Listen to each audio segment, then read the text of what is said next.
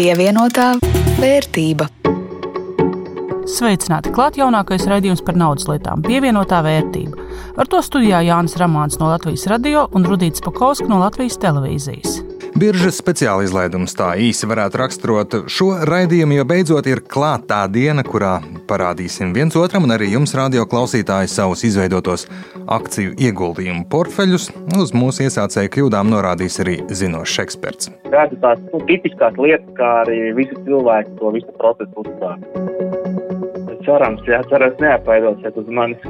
Es jau gan nojaušu vienu no savām kļūdām. Iekritu uz uzņēmumu, kurš izlēma pamest biežu, un tādu šobrīd Latvijā ir netipiski daudz.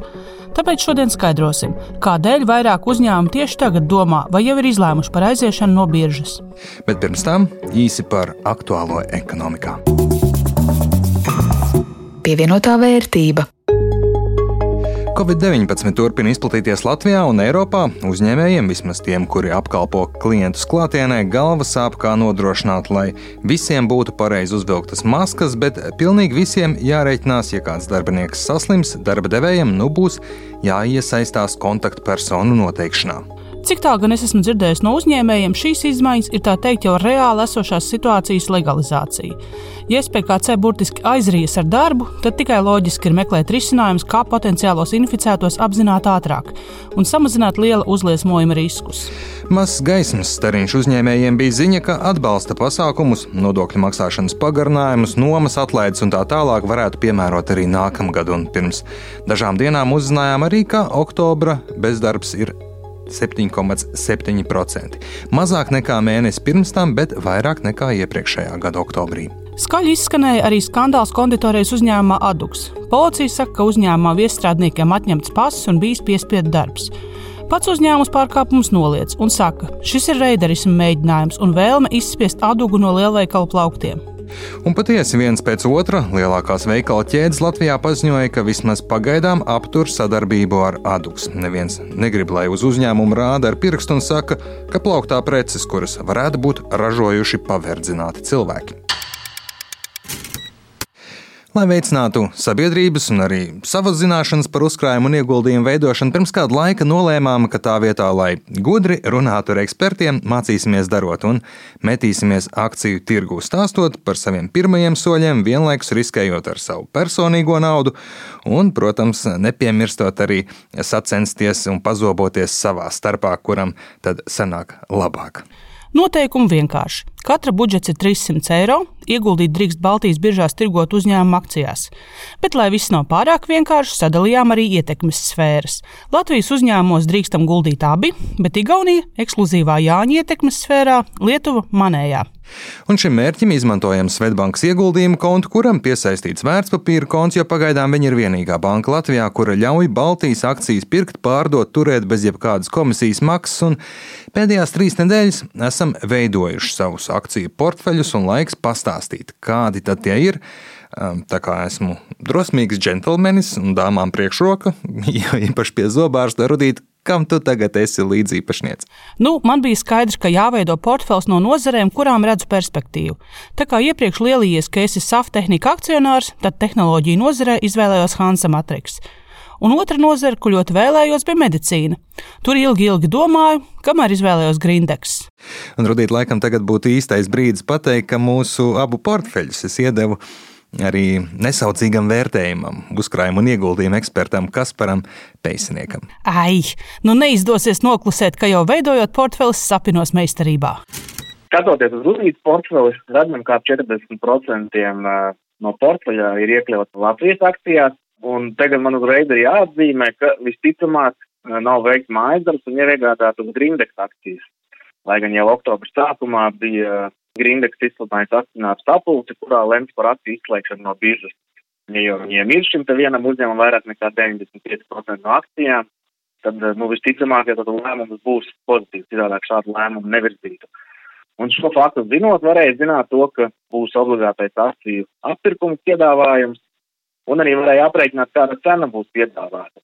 Un te ir sanāca tā, ka eh, Rudīte ir nopirkusi akcijas par cenu, kas ir krietni augstāka. Nu, krietni ir diskutējams jautājums, ka 6% ir augstāka nekā tā cena, pa kuru Grindeks veiks akciju atpirkšanu. Līdz ar to tādā veidā var secināt to, ka Šajā ieguldījumā veiktais apmērs ir tiesas nelielus zaudējumus, kurus vairs nebūs iespējams atgūt. Nu, šajā konkrētajā gadījumā vajadzēs meklēt iespējas citur. Jā, nu to, ka Grindeks bija kļūda, sapratu jau mirkli pēc nopirkšanas un pati. Man sanāca no vilka bēgot, lācim uzskriet. Tik ilgi baidījos no Olenfarma akcionāru strīdiem, kamēr aizmirsu, ka Grindeks iet prom no biržas.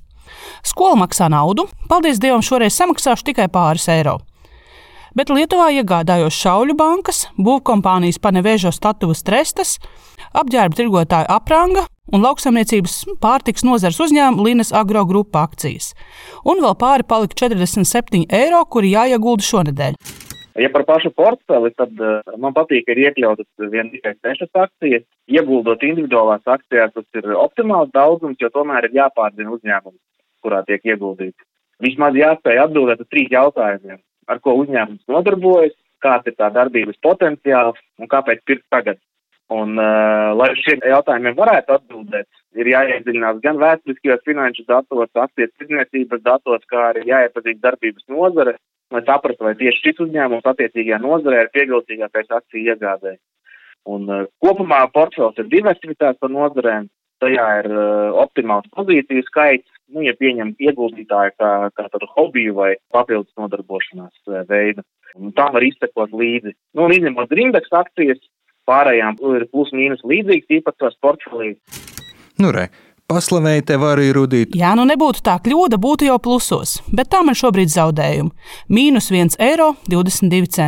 Bet nu ko par mani? Laiks izķidāt tavējo portfeli. Oh, par mani no Latvijas uzņēmumiem mums um, doma gājiens acīm redzot līdzīgs. Es arī izvēlējos divus, kam ticu, un divus mm, spekulatīvos nolūkos. Tiem, kam ticu, zāļu ražotājs Olēna Farma, par kuru stāstījām iepriekšējā raidījumā, un SAF tehnika, kuru akcijas man izdevās nopirkt vēl pirms tika paziņots par daļu peļņas izmaksu dividendēs, un Tad vēl esmu nopircis 50 Rīgas kuģu būvētavas akcijas. Tur vienīgais apsvērums bija, jo lētas un īsti zemāk tur vairs nav kur krist.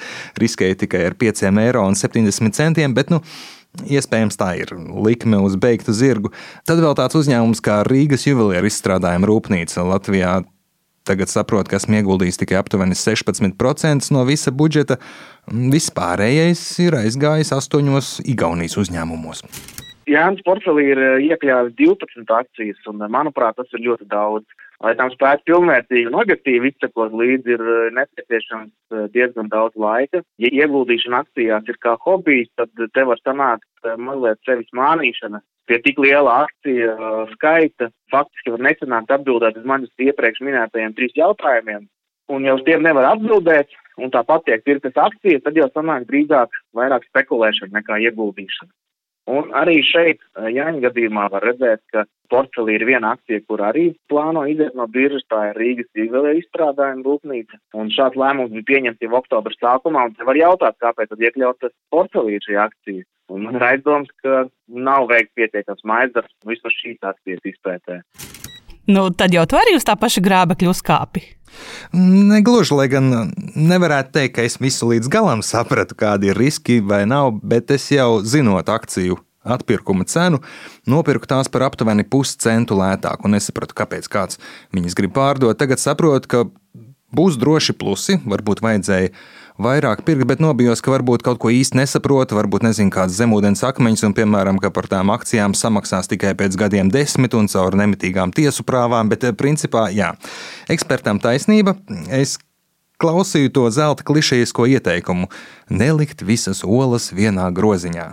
Bet laikam jau šajā gadījumā esmu tā tādās lieldienās izmētājis tās olas pa visu pagalmu. Cerot uz atkopšanos pēc krīzes, es izvēlējos arī vēl prāmju operatoru Tallink un Tallinas ostas akcijas. Tehnoloģija nozarē telekomunikāciju ražotājs Harju Elekter, būvniecībā divas igauņu kompānijas Merko Ehitus un Nordekon. Tam visam klāt grūtībās nonācis savā ziņā skandināvu zivju produkcijas ražotājs PRF Foods un finanšu sektorā Kūpbank. Un tad man šķiet, ka vajag arī kaut ko drošu, stabilu, un no monopola spēles zinu, ka komunālo pakalpojumu lauciņi ir tādi bagāts nepaliksi, bet plusos jau būs. Tāpēc portfelī arī Tallina Vesi jeb Rīgas ūdens ekvivalents Tallinā. Jāņa gadījumā, ja ir dažas akcijas ar ļoti mazu īpatsvaru, nu šie 2-3%, tad arī ir salīdzinoši ļoti lielas. Piemēram, Tallina Vesi ir ap 21% no visa portfeļa. Te var jautāt, kāpēc šeit pozīcija ir desmit reizes lielāks svars nekā mazākajai? Vai par šo ir daudzreiz lielāka pārliecība, vai tā ir pievilcīgāka no ieguldīšanas viedokļa? Un šajā brīdī uzreiz arī gribu atzīmēt to, ka kompānijas kvalitāte un labums nevienmēr korelē ar veiksmīgu ieguldījumu un labu ienesīgumu.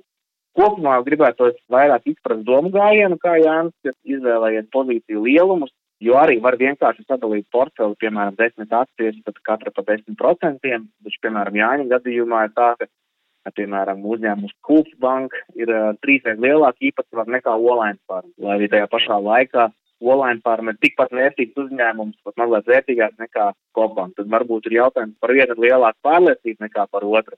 Ja ir īpaši pamatojums, kāpēc tā, tad ļoti labi. Tomēr kopumā man pietrūkst skaidrākas skatu principiem, pēc kādiem portfels ir sastādīts. Nu, ekspertam var teikt, tā vienkārši sanāca. Domāju, tas ir gana labs un īpašs pamatojums. Bet jā, skaidrs, ka portfels vēl būs jāpielabo. Skaidrs ir arī mūsu pirmās kļūdas. Un laikam man Iesākumā sanāk tāds neliels handikaps, jo portfels sāka veidot vēl pirms pozitīvajām ziņām par covid vakcīnu. Līdz ar to man šobrīd plusos ir precīzi 6 eiro un vēl neieguldīti eiro 70. Pievienotā vērtība. Savas iesācēju kļūdas esam sapratuši. Tās vajag, protams, izbaudīt, varbūt arī kaut ko iemācīties no tām. Pēdējā laikā vairāk uzņēmumu, kur akcijas tiek kotētas Rīgas biržā, ir paziņojuši par vēlmi regulēto vērtspapīru tirgu pamest, un, kā dzirdējām, šādu informāciju palaižot garām, var sanākt nevisai kā rudītei. Jā, tev arī. Jā, kāds var arī uz to visu nopeldīt. Bet kāpēc tagad tik daudz uzņēmumiem ir šāda vēlme pamest biržu, skaidrot devās Linda Zalāne. Akciju sabiedrības Grindeks koncerna apgrozījums 2019. gadā bija vairāk nekā 140 miljoni eiro, un peļņa sasniedza 13,4 miljonus eiro. Koncerna saražotā produkcija eksportēta uz 84 pasaules valstīm. Kā ik nedēļu biržas uzņēmumu ar ieguldītāju jeb investoru acīm vērtē mūsu eksperts, uzkrājuma un ieguldījumu pārzinātājs Kaspars Pēcinieks. Viņš atzīst, ka Grindeks aiziešana no biržas viņam nav pārsteigums. Viņš mudina apskatīties uz grindeksu pagātnē. Aplūkojot biržas mājaslapā pieejamos cenu grafikus, var redzēt, ka līdz 2018. gadam grindeks akcijas bija ne labs, ne slikts ieguldījums. 12 gadus akcijas cenas svārstījās robežās no 3 līdz vairāk nekā 11 eiro par vienu akciju. Katra ieguldītāja ienesīgums bija atkarīgs no pirkšanas brīža, tomēr kopumā nebija izteikta tendence akciju cenai iet uz augšu. Tas viss mainījās 18. gadā, kad Finanšu kapitāla tirgus komisija uzlika sodu Līmana kungam. Un faktiski tika apstiprināts, ka uzņēmuma kontrola paketa atradās vienās rokās, un akcionāriem bija jāizsaka piedāvājums atpirkt akcijas. Kopumā jau visiem bija skaidrs, ka uzņēmums ir bijis vairāk kā kapatas uzņēmums un ka kontrola ir vienās rokās, un pārējie akcionāri bija ļoti ērts veids, kā lielākiem akcionāriem operēt savu uzņēmumu. Un ņemot vērā likumdošanu, Lipmaņa kunga ģimenes uzņēmumam bija jāizsaka obligātais akciju atpirkšanas piedāvājums un bija jāatpērk akcijas par cenu 12,59 eiro, kas bija vairāk nekā 100% augstāka nekā cena pirms dažiem mēnešiem. Līdz ar to visi, kas turēja akcijas visu iepriekšējo periodu, nedaudz nopelnīja. Pēc tam sāk izmaksāt uzņēmumu dāsnas dividendus, ar ko agrāk nebija ļoti pazīstams uzņēmumu Liplats Holdings, kas no Lipana kunga ģimenes uzņēmums piedara vairāk nekā 95% no akcijām, un akcionāri ir nolēmuši uh, atpirkt pēdējās akcijas un iziet ārā no biržas. Bet ko darīt tiem, kuriem portfelī vēl ir Grindeks akcijas, vai ir vērts tās turēt? Manuprāt, nē. Šonadēļ uh, ir iesniedzis Grindeks Finanšu kapitāla tirgus komisijai pieteikumu par akciju atpirkšanu pa 13,59 Šobrīd biržā cena ir mazliet augstāka. Un līdz ar to nav, manuprāt, pamatojama akcijas ilgāk uh, turpināt turēt. Ja arī viņas netiks pārdotas, tad pēc tam viņas vairs nebūs biržā, un pēc tam nav skaidrs, vai no viņām varēs vispār tikt vaļā un kā pēc tam ar viņām rīkoties.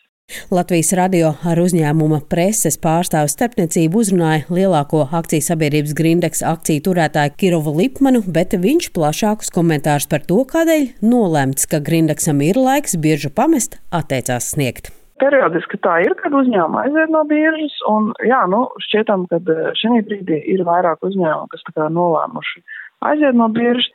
Nasdaq Rīga vadītāja Daiga Hauzņa Mellalksne teica, ja uzņēmums ir veicis atpirkumu, tad viņam ir tiesības nokārtojot saistības aiziet no biržas. Lēmumu pamatojums ir visdažādākais, bet es domāju, ka pats galvenais ir tas, ka tas notiek godīgi attiecībā pret mazākumu investoriem, un šī cena ir godīga.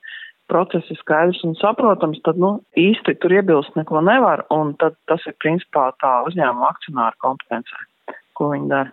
Daigauziņa Melnākste uzsver, ka atrašanās biržā ir saistīta ar zināmām izmaksām, un tās primāri saistās ar to, ka tie investori, no kuriem uzņēmums ir piesaistījis kapitālu, sagaida, ka uzņēmums būs caurspīdīgs, atklās informāciju un apsaimniekos uzņēmumu akcionāri interesēs.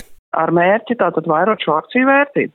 Ja mēs runājam par tādiem mazākiem uzņēmumiem vai pēdējiem, teiksim, tiem gadījumiem, es domāju, tas lielākā mērā ir saistīts ar to, ka, nu, uzņēmumiem tomēr tas bizness nav bijis pārāk veiksmīgs.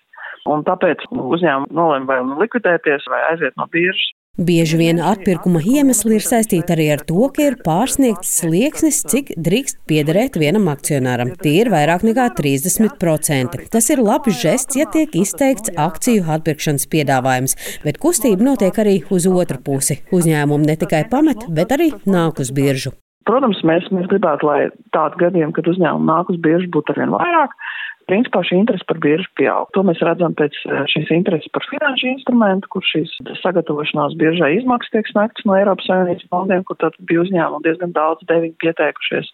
Mēs redzam, ka ir arī citi uzņēmumi, kur vienkārši vēlās piesaistīt jaunu kapitālu, viņi vēlās šo papildus redzamību un, un uzmanību, ko valda biržas uzņēmumu. Tas viņam šķiet svarīgi tīri no tāda biznesa attīstības viedokļa. Nasdaq Rīga vadītāja teica, ka biržas uzņēmumiem ir daudz elementu, kas palīdz attīstīt biznesu, bet jāņem vērā, ka uzņēmumi ir dažādi un akcionāri intereses var atšķirties. Ir tādi akcionāri, kas vēlas būt saimnieki par visu un noteikti visu uzņēmumā, bet tas saistās arī ar milzīgiem riskiem, jo brīdī, kad uzņēmumam sākas problēmas, problēmas ir krīze vai akcionāri dodas viņsaulē, un līdz tam uzņēmuma attīstība bijusi viena akcionāra rokās, tad ir lielas problēmas tiem akcionāriem, kas paliek uzņēmumā, arī ģimenes locekļiem. Linda Zalāne, Latvijas radio. Pievienotā vērtība. Ar to arī galā ir raidījums pievienotā vērtība. To sagatavoja jums Jānis Rāmāns no Latvijas radio un Rudīts Pakovska no Latvijas televīzijas. Ulds Grindbergs rūpējās par skaņu. Šos un citus raidījumus varat atrast arī Latvijas radio mājaslapā. Un arī populārākajās podkāstu vietnēs. Visu labu! Uz tikšanos pēc nedēļas! Pievienotā vērtība.